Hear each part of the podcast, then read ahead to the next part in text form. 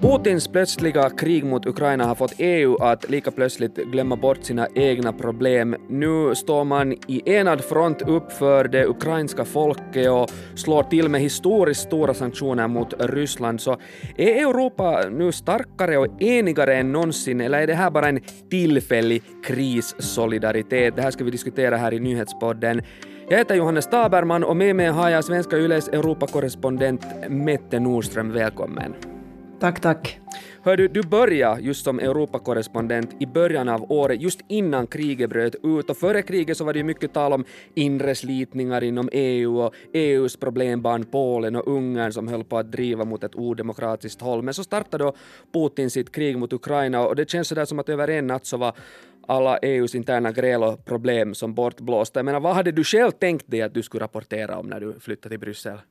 No, jag erkänner att jag var nog beredd på långt utdragna processer och, och stridigheter och, och, det bekymrar mig också till en viss del därför för att det är ganska komplicerat som en journalist att, att bevaka när det blir så där utdraget och det är jätteinvecklade beslutsprocesser. Men istället så har vi ju hamnat ut för en virvelvind av toppmöten, en virvelvind av ministermöten, det är presskonferenser på löpande band och eniga beslut. Till och med det här senaste toppmötet där energifrågan behandlades, så där spekulerar vi med kollegorna på förhand att, att hur länge kommer det här nu att dra ut? För att det är ju det som ofta händer när det är svåra frågor och det är inre stridigheter, att toppmöten går på övertid helt enkelt. Mm. Men nu fanns ju den här enigheten som ska demonstreras i alla sammanhang, så då var också vår slutsats att det, man kan inte ens sitta på övertid därför att det skulle ge en dålig signal utåt. Och mycket riktigt så slutade det ganska i tid. Just det, så en verklig rivstart där för dig i Bryssel. Men, men hur skulle du säga, är liksom allt och frid och fröjd nu med den europeiska enigheten, eller hur skulle du beskriva stämningen i Bryssel? Alltså man betonar nog fortfarande enigheten, det är ett ord som finns med i gott som alla sammanhang vid alla tidpunkter att, att EU talar med en röst. Och nu kan man ju säga att det här kriget har varit en injektion just i den här sammanhållningen. Eh, samtidigt så är det ju en alldeles historisk fasansfull tid som vi, som vi lever i, så det har ju blåst liv inte bara i NATO utan också i EU. Men det är liksom då vad ska man säga, Putins förtjänst att Europa ser mera sammansvetsat ut än, än kanske någonsin? Förstås är det, är det Putins förtjänst om man nu kan säga att det är förtjänst, mm. men man måste komma ihåg att, att det här är 27 väldigt olika länder som bildar den Europeiska unionen och eh, vi har den här traditionella syd-nord-konstellationen, men speciellt nu så är det ju de länder som hörde till det forna östblocket som har varit speciellt pådrivande när det gäller de hårda tagen mot Ryssland. Eh, och jag måste säga att det här med enigheten så är ju det som förmedlas åt oss utåt. Vi får veta en del av de inre diskussionerna och så här, men det, det poängteras hela tiden att, att okej, okay, vi hade lite olika åsikter, men vi var eniga. Men jag funderar, liksom, är du överraskad just över att man visar upp den här enigheten? För jag tänker att annekteringen av Krim 2014, det väckte inte en sån här stor enighet. Det var ganska intressant här i början, för då sa man ju eh, att EU inte var en part i den här konflikten. Om vi kommer ihåg att, att det fanns en, en, en viss polemik om att EU fick inte sitta med i förhandlingsborden med Ryssland och så här. Och, och då sa man som sagt att, att EU var inte en part i konflikten, att det här gällde NATO, USA och Ryssland. Men i och med sanktionerna så är det ju nog annorlunda. Jag vet inte om vi kan ta tala egentligen om en överraskning men eh, åtminstone så hade ju överraskat Ryssland och president Putin. Den allmänna uppfattningen är ju att, att Ryssland ville utnyttja oenigheten inom EU och att man räknar med det och nu är då situationen helt annorlunda. Ja. EU har ju ofta kritiserats för att liksom vara svagt just på grund av att det är svårt att nå, nå konsensus och för sina liksom byråkratiska kompromisser. Men nu har, slår man ju väldigt snabbt till med de här sanktionerna. Så, så, så skulle du säga liksom att kriget gör EU starkare än någonsin? För tillfället ja, men frågan är ju håller det i längden. Vi vet ju inte vad som vi står eh, inför. Och sen så finns här ju nog varningar för så kallad sanktionströtthet. Vi börjar ju komma in nu i ett eh, sånt läge där de här sanktionerna är ganska svåra och drabbar väldigt svåra områden, sånt som drabbar eh, de europeiska länderna själva. Så det som man ju säger här, till exempel vid Versailles-toppmötet så sa man att, att okej, okay, här kommer vi ju nog att få se effekter i våra egna länder, att det slår tillbaka och eh, att vi måste eh, förbereda oss på det. Men det som man sa då var att, att, att man vill ju inte heller finansiera Rysslands krig i Ukraina. Ja, här kommer ju den här energifrågan som ju kanske kan kallas lite för, för EUs akilleshäl. Hur stor enighet råder det egentligen på den här punkten? No, där är ju väldigt svårt eftersom eh, som sagt så är det väldigt många olika länder som har eh, olika energimix som man kallar det, det vill säga att man är beroende av olika energikällor och olika leverantörer och de som är beroende av Ryssland så har det ju svårare än andra länder. Men där skulle jag säga att eh, det var intressant att se att Tyskland faktiskt gjorde en väldigt stor insats här alldeles nyligen. Tyskland, som är alltså väldigt beroende av, av rysk energi, så mm. kommer att drastiskt skära ner energiimporten från Ryssland. Och, och, här för några dagar sedan så meddelade man ju att, att man ska minska oljeimporten från Ryssland med hälften och kolimporten ska avslutas helt och hållet vid hösten. Och dessutom så räknar man med att vara i stort sett helt oberoende av den ryska naturgasen inom två år. Och det här är ju den här springande punkten. Det har varit väldigt svårt för Tyskland som har byggt upp det här stora beroendet av den ryska naturgasen. Eh, så det är viktigt just för att Tyskland har varit det landet som har tvekat mest när det gäller hur man ska slå till mot Ryssland. Så här finns ju nog en väldigt stark vilja. Sen är det en annan sak hur man ska förverkliga det i praktiken, det är en knepig fråga. Till exempel när det gäller varifrån ska man få alternativa leverantörer av energi. Och jag tänker just på det här nu när vi ser att energipriserna stiger och, och det här börjar ju sen kännas liksom i EU-medborgarnas fickor helt enkelt. Och då växer det här missnöjet och det ökar säkert på trycket på de enskilda medlemsländerna och då är kanske den här energifrågan kan ännu bli väldigt problematisk. Absolut, och, och då måste vi komma ihåg att det här också kan vara helt enkelt en fråga om politisk överlevnad. Här finns länder som, som står inför val det här året och då är ju konsumenternas, det vill säga väljarkårens plånbok kan ju vara helt avgörande. Jag tänker just på det här, liksom, vi var inne på Tyskland som är lite vägvisare här, men, men, men vem skulle du säga liksom att axlar rollen som Europas stora ledare nu när till exempel Angela Merkel är borta? Det som vi ju ser är att eh, Emmanuel Macron, Frankrikes president, han vill nog gärna ha den här rollen. Han jobbar eh, aktivt nu i de här frågorna när det gäller att eh, stoppa kriget i Ukraina. Där ska vi komma ihåg att Frankrike är ju ordförandeland som bäst, EUs mm. ordförandeland och, det är ju en sån här uh, halvårssits. Och eh, ursprungligen så var det väl tänkt, kan vi säga, att den här franska strategin var det att, att ordförandeskapet skulle ge Macron en extra puff inför det franska presidentvalet mm, som hålls nu i april. Men nu så talar man om att, att egentligen blev det en dubbelpuff i och med att han nu har en chans att visa sitt ledarskap i en krigs och kristid.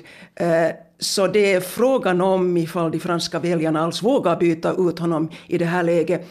Samtidigt så om vi säger att Angela Merkel tidigare var den stora ledaren, mm. så nu så betraktar man ju Merkels ledarskap med lite nya glasögon eftersom hon ju stod för en nära kontakt till Putin. Det var under hennes tid som Tyskland skapade det här stora energiberoendet till Ryssland. Precis, men här ser vi liksom att eh, inrikespolitiken eh, spelar också sin roll. Men om vi flyttar fokus liksom mot flyktingfrågan som ju nu också har blivit väldigt aktuell när vi ser miljontals uh, ukrainare fly under flyktingkrisen 2015 som, som ju sattes igång med kriget i Syrien, så då var flyktingfrågan en väldigt svår fråga för EU. EUs yttre gränser började liksom stängas och bevakas allt hårdare och populismen och rasismen växte sig starkare. Så, så hur, hur, hur låter det nu kring flyktingfrågan? Ja, här i Bryssel säger man att man har lärt sig sin läxa och att nu ska man klara av den här situationen bättre än 2015. Och det var ju nog alldeles historiskt när man fick igenom det så kallade massflyktdirektivet. Det skedde på ungefär fyra dagar att man kunde aktivera det här direktivet. Och det direktivet har faktiskt 20 år på nacken men det har aldrig använts, inte heller under 2015. Men nu så kunde man då enhälligt besluta att aktivera det. Och det betyder sen i, för sin del att ukrainska flyktingar inte behöver gå igenom utdragna asylprocesser utan de får uppehållstillstånd automatiskt på ett år med möjlighet till ytterligare två års förlängning beroende på situationen. Och det betyder att de kan genast söka jobb, bostad, de har rätt till sociala stöd och hälsovård och utbildning och så vidare. Och framförallt, de kan integreras snabbt och det här var ju saker som inte hände 2015. Nej, alltså solidariteten som nu visas upp är ju av helt annan eh, kaliber. Så jag funderar, är det liksom lite av en sån här selektiv solidaritet att, att nu har vi liksom blonda och blåögda flyktingar och då öppnas dörrarna till Europa?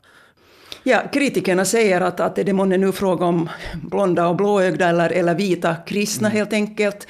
Uh, här ser man också att man måste titta på omfattningen, att det är liksom ett skräckscenario så att säga. Att även om det var jättestort 2015 så nu så har man på bara några veckor fått flera flyktingar än under hela flyktingkrisen 2015. Och den förra krisen som vi vet så födde ju ett populistiskt narrativ, populistiska högerregeringar eh, i flera länder och en del av dem sitter kvar ännu idag. Men det som kanske är annorlunda nu är det att det finns starka antipatier mot Ryssland i så många medlemsländer. Och det är det som gör att det finns ett helt annat mottagande. Eh, vissa säger också att ukrainarna är utbildade på ett helt annat sätt eller har högre utbildning och eh, kan integreras snabbare på grund av det. Det är ganska tveksamt därför att syrierna eh, under den förra flyktingströmmen så de var i många fall högutbildade nog. Mm. Intressant är just här nu att, att EUs problembarn Polen plötsligt har fått en, en slags nyckelroll som de tar emot miljoner av ukrainska flyktingarna och, och fungerar också som liksom Natos frontstat mot Ryssland. Vad har fått Polen liksom nu att axla en helt ny roll? Polen äh, har den rollen eftersom man är geopolitiskt där man är, det vill säga att man är eh, granne till Ukraina och att man helt enkelt har fått ta emot stora mängder flyktingar. Men det här är problematiskt därför också att man nu skulle behöva typ 24 miljarder euro bara det här året. Det ser alltså regeringen i Warszawa. Och det skulle betyda att EU skulle behöva stå för de här pengarna.